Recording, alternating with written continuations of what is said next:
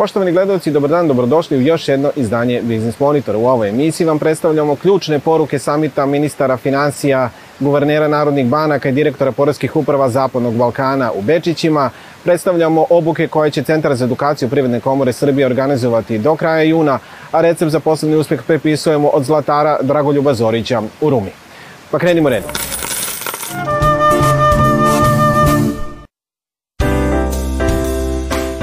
Vlada Srbije je donela uredbu o utvrđivanju programa podrške malim preduzećima za nabavku opreme u 2023. godini. Objavilo je Ministarstvo privrede i navelo da sredstva za realizaciju ovog programa obezbeđena iz republičkog budžeta zajedno sa sredstvima iz predpristupnih fondova Evropske unije iznose oko 1,4 milijarde dinara. Javni poziv za učešće banaka i leasing kompanija biće raspisan ove sedmice, a za učešće firmi polovinom jula 2023. godine. Po ovom pozivu firme mogu dobiti bespovratnih sredstava do 25% od neto vrednosti nabavke proizvodne opreme, a odobrena pomoć ne može biti manja od 500.000 dinara ni veća od 5 miliona dinara. Minimalna sobstvena sredstva firme koja podnosi zahtev iznose 5% od ukupne neto vrednosti opreme koja se nabavlja, dok će ostatak biti obezbeđen iz kredita poslovne banke ili finansijskog lizinga. Članovi Skupštine Unije poslodavaca Vojvodine izglasali su još jedan četvorogodišnji mandat predsedniku Vladimiru Laloševiću. Mandat je produžen i potpredsedniku za Banat Goranu Nešiću, a izabrana je i nova potpredsednica za Srem Jelena Milašinović. Kao gosti na Skupštini prisustovali su pokrajinski sekretar za privredu dr. Nenad Ivanišević, predstavnici Unije poslodavaca Srbije, Saveza samostalnih sindikata Vojvodine, Pokrajinskog socijalno-ekonomskog saveta i druge uvažene zvanice. U Uniji poslodavaca Vojvodine poručuju da nastavljaju dalje, držeći se slogana da se pošten rad isplati, uz najavu novog biznis koncepta poslovanja organizacije, a novi stari predsednik Vladimir Lalošević je u svom obraćanju rekao da su se stvorili uslovi da od septembra krene sa aktivnom obukom članstva u procesu modernizacije poslovanja.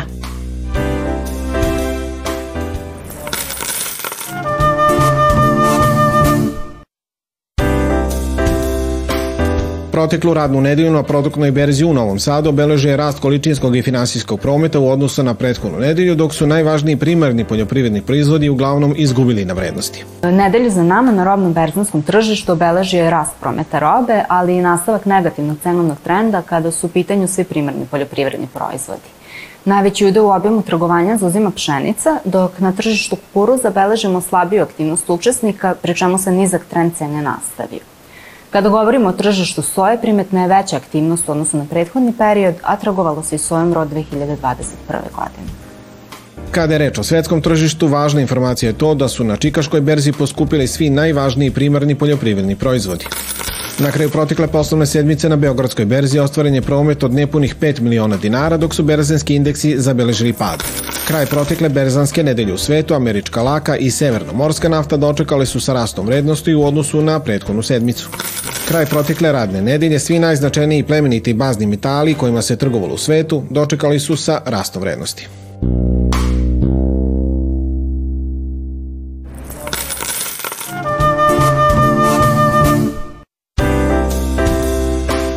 Ako ste vi nešto avansno uplatili u maloprodaji, je tako? Pa odustali od te kupovine ili e, platili pa nešto reklamirate ili niste zadovoljni, isto odustali iz nekog razloga reklamirate, onda je porezki obveznik e, dužan, taj u maloprodaji, dužan je da izda e, refundaciju, znači promet refundacija i avans refundacija, znači na neki način da poništi, jel tako, ove, te izdate fiskalne račune i da vam vrati pare.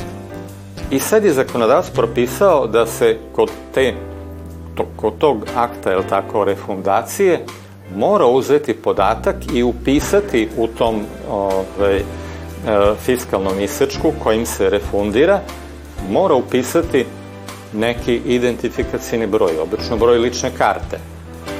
I sad su se, naravno, ove, mnogi pitali šta je to, za koje svrhe se to koristi, pa je Ministarstvo financija zvanično izdalo saopštenje da je svrha toga da se mora upisati e, neki identifikacioni dokument, recimo broj lične karte, ne u svrhu prikupljanja podataka i obrade podataka, ono što ne sme da se radi, nego je to u svrhu toga da se evidentira kome je ta isplata, povraćaj para izvršen. Znači da bi, to je samo još jedan korak više da se e, i za obveznika i za eventualno Poresku upravu kontroli zna da je tu izvršen povraćaj i da, je, da su vraćene pare nazad.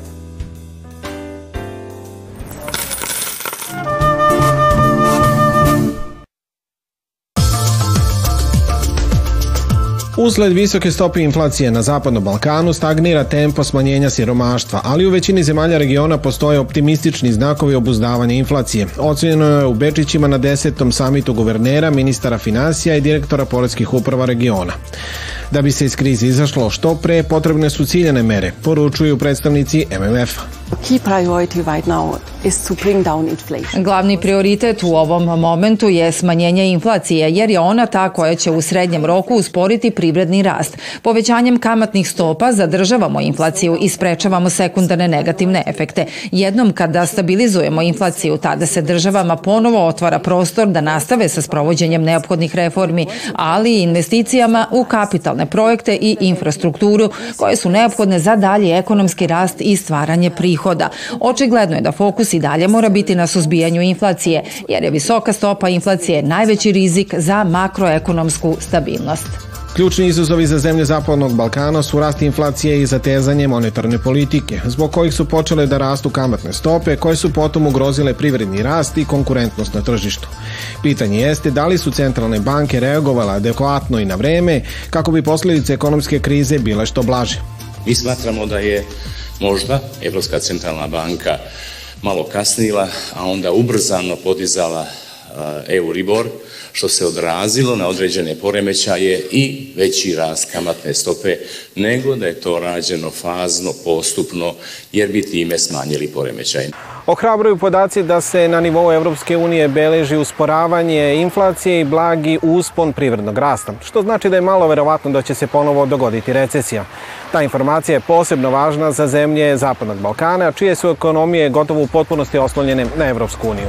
Kako bi obuzdala rast opšteg nivoa cena, Narodna banka Srbije u više navrata podizala referentnu kamatnu stopu, što je dovelo do znatnog rasta dinarskih kredita, a s obzirom na to da inflacija trenutno stagnira, ne bi trebalo da dođe do novih promena referentne kamatne stope, koja je sada 6%. Mi vidimo da je e, kamatna stopa od 6% dovoljna da vodi smanjenje tog indeksa potrošačkih cena kao mere inflacije na 8% krajem godine, odnosno na vraćanje u cilj sredinom 2024. cilj 3 plus minus 1,5%. Svako povećanje iznad toga u ovom trenutku ne vidimo da bi dalo dodatu vrednost smanjivanju inflacije, a dodatno bi napravilo probleme u servisiranju kredita i do, dodatno de, destimulativno uticalo na kreditnu aktivnost, odnosno na e, privredni rast. Ja mislim da bi dalje podizanje referentnih kamatnih stopa manje doprilo suzbijenju inflacije, a mnogo više smanjenju ukupnog rasta koji je onako krhk i teško da će u ovoj godini dostići od 2%. Taman kad su privrednici pomislili da je došao kraj problemima nakon pandemije, sustigla nas je nova ekonomska kriza, nastala kao posledica rata u Ukrajini. Te nove okolnosti donele su sasvim nove poslovne probleme. Pokidani su lance snabdevanja, da, što što je brzo uspostavljeno i normalizovano posle korone, sad je još više ovaj, poremećeno sa jedne strane, e, sa druge strane ovaj, novac je postao skup, e, e, cene su otišle u nebo i, to one krucijalne cene energenata ovaj, koje opredeljuju i, i, podižu sve druge cene. Tako da u tom smislu još uvek nije toliko teško poslati koliko, u mom biznisu koliko bi moglo da bude teško ako se ovaj trend nastavi, ako se nešto značajno ne promeni u, u narednih šest meseci ili godinu dana na bolje. Ono što je za nas bilo jako bitno jeste da okvir u kome poslujemo e, ostane stabilan. U smislu kursa, u smislu poreza, u smislu poreske politike i onda makar ta stabilnost je poslužila kao osnova da dok se prilagođavamo novim uslovima poslovanja, novim načinima snabdevanja, da makar ona osnova da kažemo backbone e, poslovanja ostane stabilna. I zbog toga zaista evo iskoristio sam priliku i na panelu da pohvalim da su uglavnom sve zemlje u regiji držale stabilnu i akciznu politiku i poresku politiku. U ogromnom većini slučajeva um, i, i monetarna politika je bila vrlo stabilna u smislu kursa, uh, tako da uh, makar su sa te strane učinili sve da, da te nesigurnosti ne doprinesu da ti poremećaj budu još, još teži i još pogubniji nego što su, što su već, već bili za mnoge industrije. Ovde se postavlja pitanje kako obezbediti bolju saradnju fiskalne i monetarne politike u trenutku visoke inflacije, kada svaka vlada nastoji da podigne privredni rast, a centralne banke da visokim kamatama zauzdaju rast cena.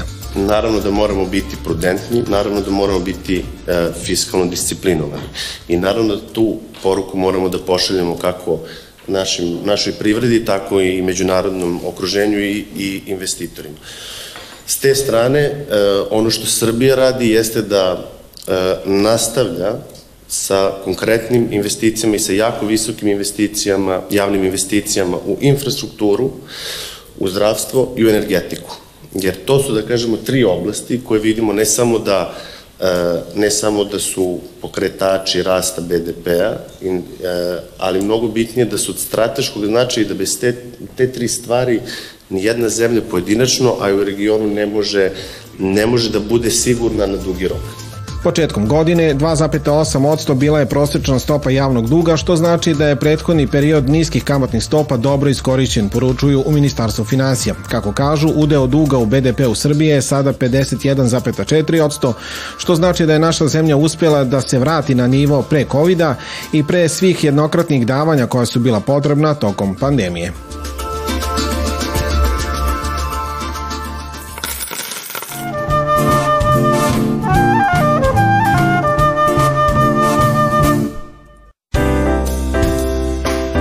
Centar za edukaciju Privredne komore Srbije poziva sve zainteresovane pojedince da se prijave na dvodnevnu edukaciju na temu kako meriti isplativost ulaganja u kupce i proizvode. Predavanje počinje 13. juna, a svi oni koji ne mogu da prisustuju lično, predavanje će moći da prate i putem interneta. Predavanje će im omogućiti bolje razumevanje finansijskih rezultata poslovanja prodaje, bolju pripremu za kategorizaciju proizvoda i kupaca, bolje razumevanje odluka top menadžmenta, razumevanje sobstvenog dela i vođenja poslova i kako utiču na poslovanje celokupne organizacije.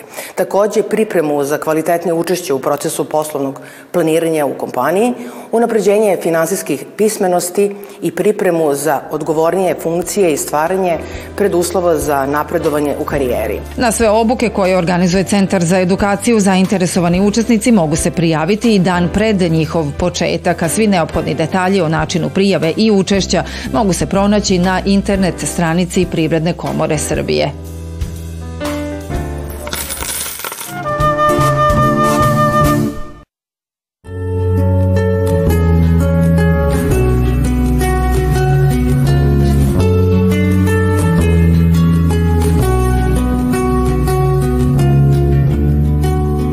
Dragoljub Zorić je posle 13 godina rada u Zlatari Majdanpek u Rumi otvorio sobstvenu zlatarsku radnju i za njega je od malih nogu važila izreka da ima zlatne ruke, jer umeju je da napravi sve što su mu pokazali.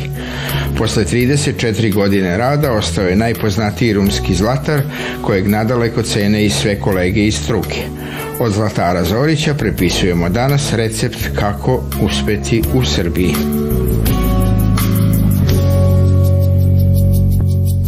Proizvodnji imam nakit, znači od lančića, prstenja, burmi, minđuša, privezaka, sve je to aktuelno. Dosta je toga proizvedeno za ove 34 godine u privatnom, kako sam privatno. Ovaj, ne znam tačno koliko burmi, ali sigurno je dobra cifra, s obzirom na 34 godine, pa ako je bilo desetak godišnje, to je ipak dosta. Tako da ima dosta i starijih i mlađih koji me pamte po tome.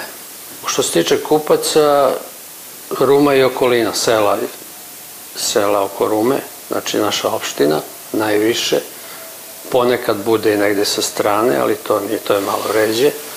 A ovaj, što se tiče angažovanja u radnji, ja sam taj koji radim u proizvodnji, a supruga radi u prodavnici. I tako od početka, nas dvoje smo od početka, nismo nikada imali radnike. radimo sami. Sve ovo naravno nije od juče. Kada i kako uopšte sve počelo? I kako se to uopšte stiže od same ideje ovaj, da ćete se baviti zlatarstvom pa do ovakve zlatare baš na dobrom glasu? Radio sam sticajem okolnosti, sam se zaposlio u zlatari Majdanpek i tamo sam radio 13 godina. Za tih 13 godina sam naučio mnogo toga što se tiče zlatarstva. I onda sam ovaj, 89. godine rešio da se preselim u Rumu, pošto sam ja odavde iz ovog kraja, ovaj, i da otvorimo privatnu radnju. To smo, na moju inicijativu supruga nije bila za, ali sam ja insistirao i tako se ovaj, to desilo i ispalo je dobro, jer se pokazalo da to vredi kako neko radi, ako je posvećen poslu, i ako voli taj posao, onda to kupci prepoznaju. Znate, kad ste pošteni prema kupcu i pošten odnos imate, onda oni to prepoznaju. Imao sam lokal u, na lošijem mestu, lošije pozicije, onda sam od 92. godine ovaj, otvorio ovaj lokal i to je već bila bolja pozicija i već su me dosta Rumljana upoznali i bio sam drugi zlatar tada u Rumi. Bio je samo jedan, ja sam bio drugi, pa je to doprinalo tome da malo se pročuje o meni, znate, tako sam na neki način stekao ime, a svojim radom i poštenim odnosom prema kupcima sam stekao i neko poverenje, bar tako kažu. Kakav to čovek, gledajući iz vašeg iskustva, treba da bude pravi preduzetnik? Kažu, treba da ima ideju, da bude vredan, marljiv, hrabar, treba li da ima sreće ili sve to zajedno?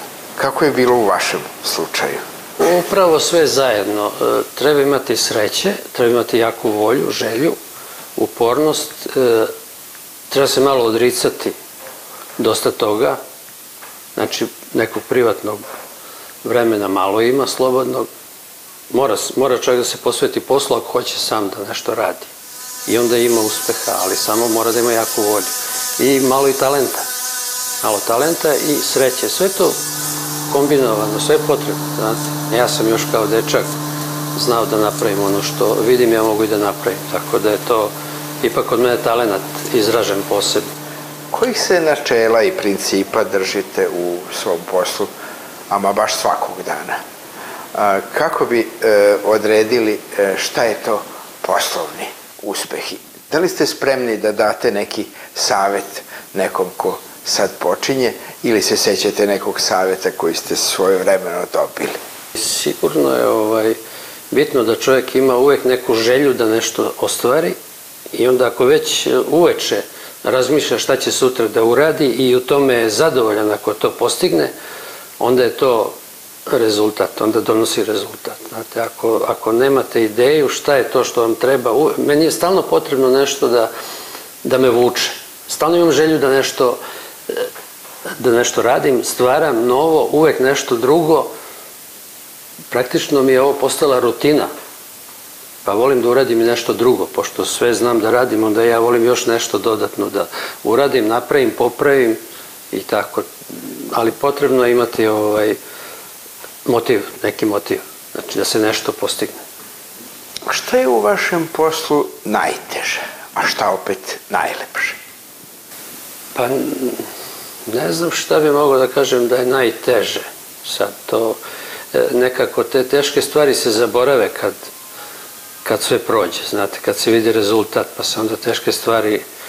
Pa ima, ima situacija gde se desi nešto, gde se nešto nepredviđeno u radu, nešto vam iskrsne uvek, bez obzira na iskustvo i znanje, ovaj, nešto se u te procesu proizvodnje desi neki peh i onda to bude teško prevazići. Treba ga ponoviti, treba ponovo uraditi, to je nešto što bude najteže kad dođete do kraja, završite neki predmet pri kraju i onda nešto iskrsne što ne ide, pa onda sve iz početka, e, to je najteži trenutak kad treba ponovo sve raditi. Ništa. A kad vam je najloši? Kad, kad se lepo osjećate? Pa, baš vam je milo što ste zvatali. Lepo se osjećam kad, kad vidim rezultat, kad vidim da nam je zdravlje sve u redu, da su deca dobro i to je neka neka sreća, neko zadovoljstvo, ne znam. Kad mogu da odem na odmor, da se malo opustim, to je Da li neko iz vaše porodice učestvuje u vašem porodičnom biznisu? I da li, da li e, se sprema da vas nasledi? Nema naslednika, deca su ovaj, u to vreme, to moram da istaknem, ovaj, kad su oni birali profesije, to je bila 93. i 95. godina, za našu delatnost su bile jako teške godine. Bilo je dosta oružanih pljački i to je moju decu odvratilo tog posla, tako da oni sad rade sasvim nešto drugo i tu nema, nema ko da nastavi.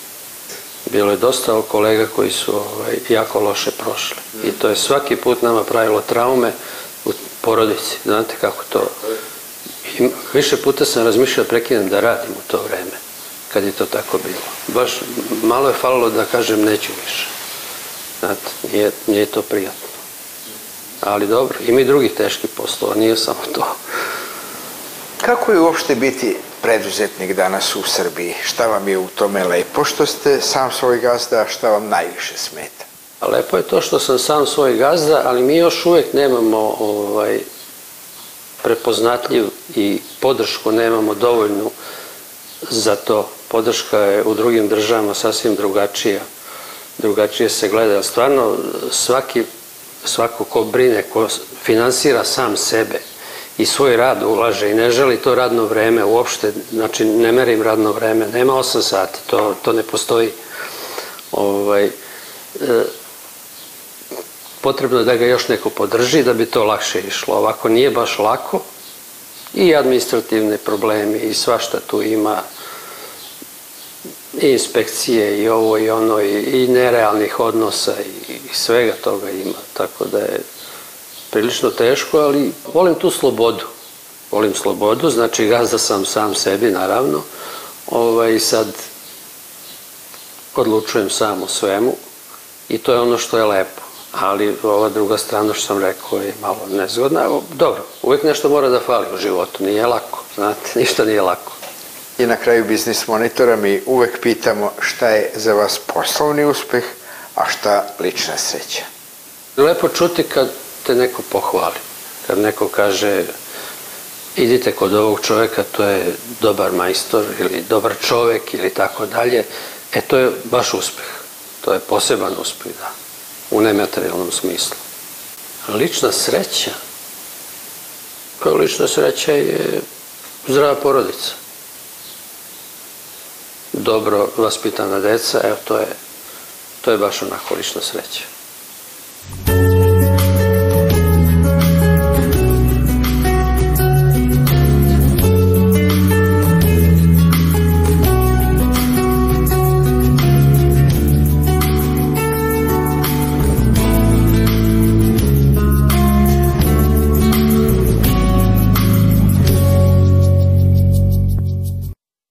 Toliko za ovaj put. Sa novim pričama iz sveta male privrede vidimo se za nedelju dana u isto vreme na isto mesto. Doviđenja.